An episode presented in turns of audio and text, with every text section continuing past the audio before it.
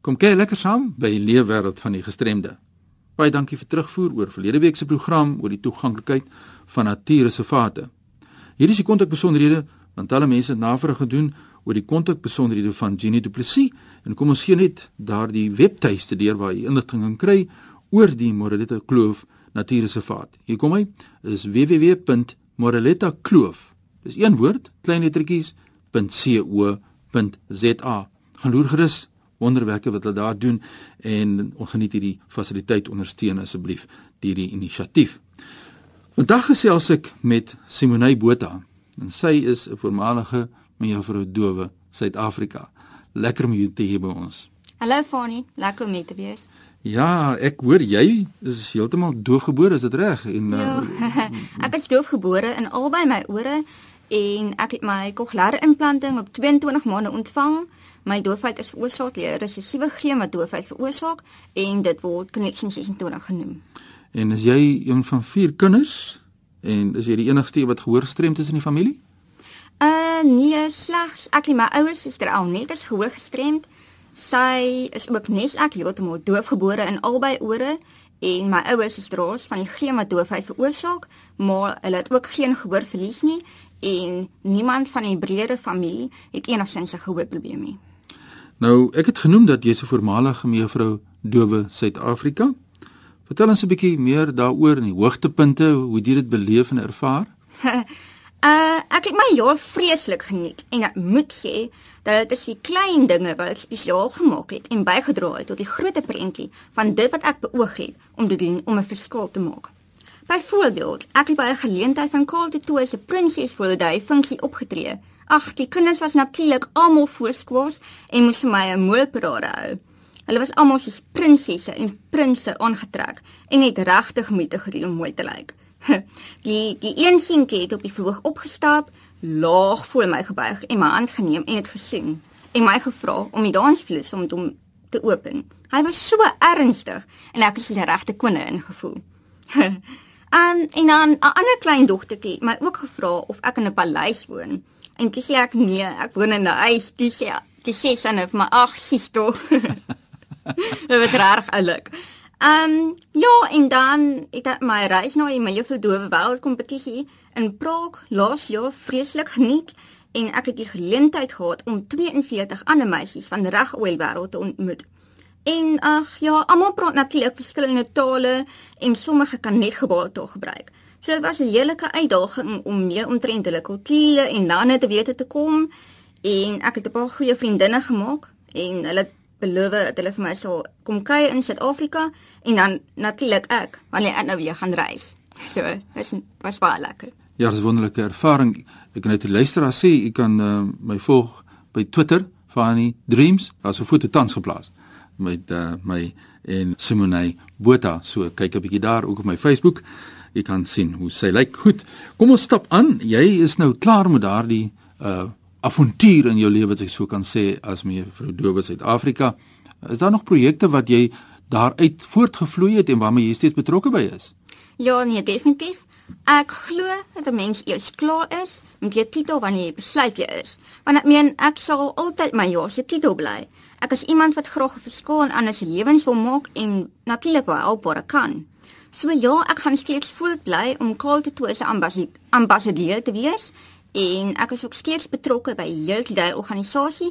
Ek tree ook steeds op by geleenthede as 'n motiveringsspreker en dan natuurlik sowel as 'n danser by fondsinsamelingsgeleenthede. Ja, jy verwys na Karel de Tooy sentrum. Daar is nou 'n nou band tussen jou en Karel de Tooy sentrum. Ja, definitief. Ek was 'n uh, uitleiding van die Karel de Tooy sentrum toe ek 'n uh, kleindogtertjie was.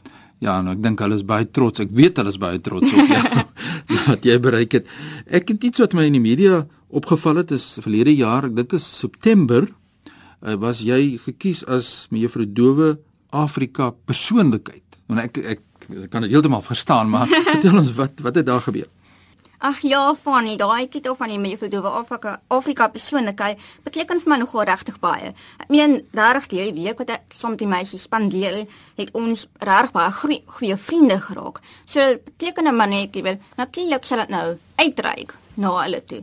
So met hierdie op 'n oog ek om voort te gaan met die uitreik na ander Afrika lande en ek is nou gevra om 'n ambassadeur te wees vir die Bybelgenootskap Suid-Afrika vir die Bybel vir die dowes. En ons beoog om die Bybel vir die dowes reg oor Afrika te versprei. En ek het al reeds uitgereik na lande soos byvoorbeeld Zambië en Zimbabwe en ek het uh, in November laas jaar het ek boodskap gekry deur die Lions Club Tableview vir gehoorapparate vir die miljoen dowe Zimbabwe. En sy het in Desember sy die apparate ontvang en sy was baie gelukkig daarmee. En Zambia is ook uh, nog steeds besig met 'n bouprojek genaamd Deep Village Hub saam met Frank Musikwa en hy is 'n aktivis vir die regte vir gestremdes. So die gebou gaan dien as fasiliteite vir gehoorgestremdes waar hulle byvoorbeeld gebaretaal kan leer en hulle benodig natuurlik steeds fondse en ek hoop dat baie mense nog steeds sal uitreik na hulle toe. So dit is maar wat sê mense 'n work in progress. Ek het nou net by ons aangesluit het ek gesels met Simonay Botha, sy's doofgebore en sy's 'n voormalige meneer vir 'n dowe Suid-Afrika. Ons het nou gehoor wat dit alles behels het in die uitdagings, maar ek wil graag met jou gesels oor jou eie lewe. Jy dans sedert jy Ja. 2 jaar oud is. Dis reg ja. Vertel ons 'n bietjie meer daaroor. Dit is jou droom om altyd te dans, uh, jou lewe professioneel. Vertel ons daaroor. Ag ja, dit was nog altyd my droom. Uh ek het myself nog nooit iets anders sien doen nie. Ek voel tuis op die verhoog en is in my element wanneer ek optree. Uh op die verhoog is ek myself. Ek is mal daaroor om verskillende karakters uit te beeld en ek geniet myself God uit. Ja, dit is wonderlik om te kan sien hoe jy lewe en dit straal uit jou uit en die passie wat daarmee saamgaan en dit bring jou dat jy 'n lid is van 'n balletgeselskap, dansgeselskap. Vertel ons daaroor. ja, ek is uh tans 'n lid van die Bourbon Ballet Dansgeselskap. En uh ja, die, dit is natuurlik 'n dansgeselskap waar niemand gehoorgestremd is nie. Ek is natuurlik die enigste gehoorgestremde in die geselskap en wat nie musiek kan hoor nie. So ek moet sê dat dis dit is my ongelooflike lekker geselskap om by te wees want die dansers is ongelooflik ondersteunend en hulle weet dat ek op hulle moet staan maak wat die musiek aanbetref.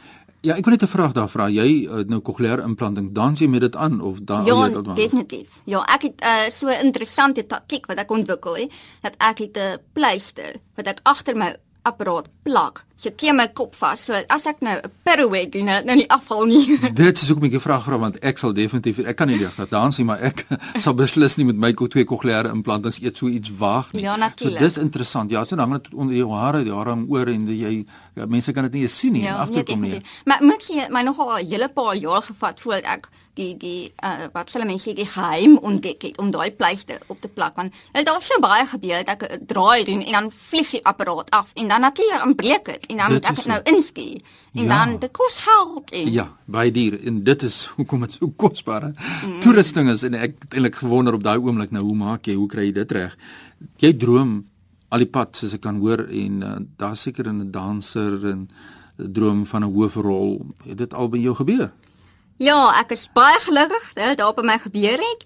Uh ek kon dit nie glo toe dit gebeur het nie, want uh wat toe gebeur het is dat uh die Sean, die direkteur van die geselskap, het my gebel om die rol van Natalie Wood van in Private Pressy aan te bied. En ek was eintlik verstom geweest. Jy weet, uh Sean kyk nie na my as 'n uh, vas in my gehoorgestremdheid nie en hy glo in my. So dit was vir my 'n uh, baie lekker verrassing. Die rol was 'n ongelooflike lekker uitdaging en ek het myself gate uitgeniet. Jy weet, ek het al verskeie hoofrolle in kontemporêre produksies gedaan, maar dit was die eerste een vir 'n balletproduksie. So ek het nogal uh, gewonder of so iets my ooit sou bewaarheid as 'n gehoorgestremde. So ek sal die deurbraak altyd onthou en dit is definitief een van my lewenshoogtepunte. Wat 'n prestasie. Ons is so trots op jou en jy's tans besig om uh, ook 'n professionele dansgeselskap uh, te stig. Is dit is dit aan wording? Ja, definitief ons is al vir die afgelope 3 maande is ek al besig daarmee. Uh die rede hoekom ek dit begin het is dat ek wil ook graag produksies opvoer wat spesifiek op Christus gemik is waar die doel is om sy naam te verheerlik en om die goeie nuus te versprei en daar is wel dansgroepe wat vrouens saam dans en koordanse vir hom maar ek wil graag optree gee waar dit van 'n profession, professionele dansstandaard is. So ek en twee ander vrouens wat ook professionele dansers is, gaan die geselskap saam verder vat en die idee het na my toe gekom nadat ek teruggekom het van die Dowe Wêreldkompetisie in Praag. En as jy wil weet wat die naam van die geselskap is, dan sal ek vir julle sê. Asseblief. okay.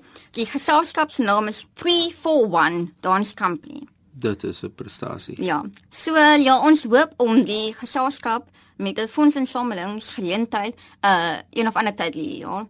Ehm um, kom ons sê maar maart maand hier, ja. ja. Dan te open, so ons werk nog 'n bietjie daaraan en dan hooplik sien ek julle almal daar dit is dit is ambisie. Dis wonderlik mens moet nooit ophou droom nie. En uh een laaste boodskapie aan die gemeenskap. Ons tyd het ongelukkig uitgeloop. Ja. Wat wil jy sê vir die mense buite?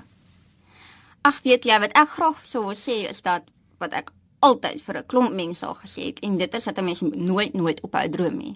Want as jy ophou droom dan wat lê daar vir jou voor? Jy weet as 'n mens aanhou en aanhou aanhou wil wen en jy sal daar uitkom. Nou so sê Simone Botha, 'n voormalige mee vir dowe Suid-Afrika. Ons het nou gehoor al die prestasies en die ambisie en die passie wat uit jou uitstraal. Wat my betref is jy 'n ware rolmodel vir mense met gehoorverlies. Ons is baie trots hier van RSG se kant af. Sê ons vir baie geluk en baie sterkte nou ons op hoogte. Baie dankie Fanie, hoor. Ja, elke mens het 'n storie om te vertel. As jy een het, stuur sommer nou 'n e-pos aan my by fanie.dt@mw.co.za soos ek vroeër in die program gesê het, volg my op Twitter. Jy kan ook daar 'n foto sien van Simone by Fani Dreams. Gesels ook met my deur middel van Skype, fani.die.23. So deel ons die leefwêreld van mense met gestremthede met mekaar en onthou asseblief hierdie program kan afgelaai word van Potgooi of deur middel van Potgooi by rsg.co.za. Volg net die instruksies en woensdaagoggende kan jy weer luister om 3:15 na hierdie program. Groetens uit Kaapstad.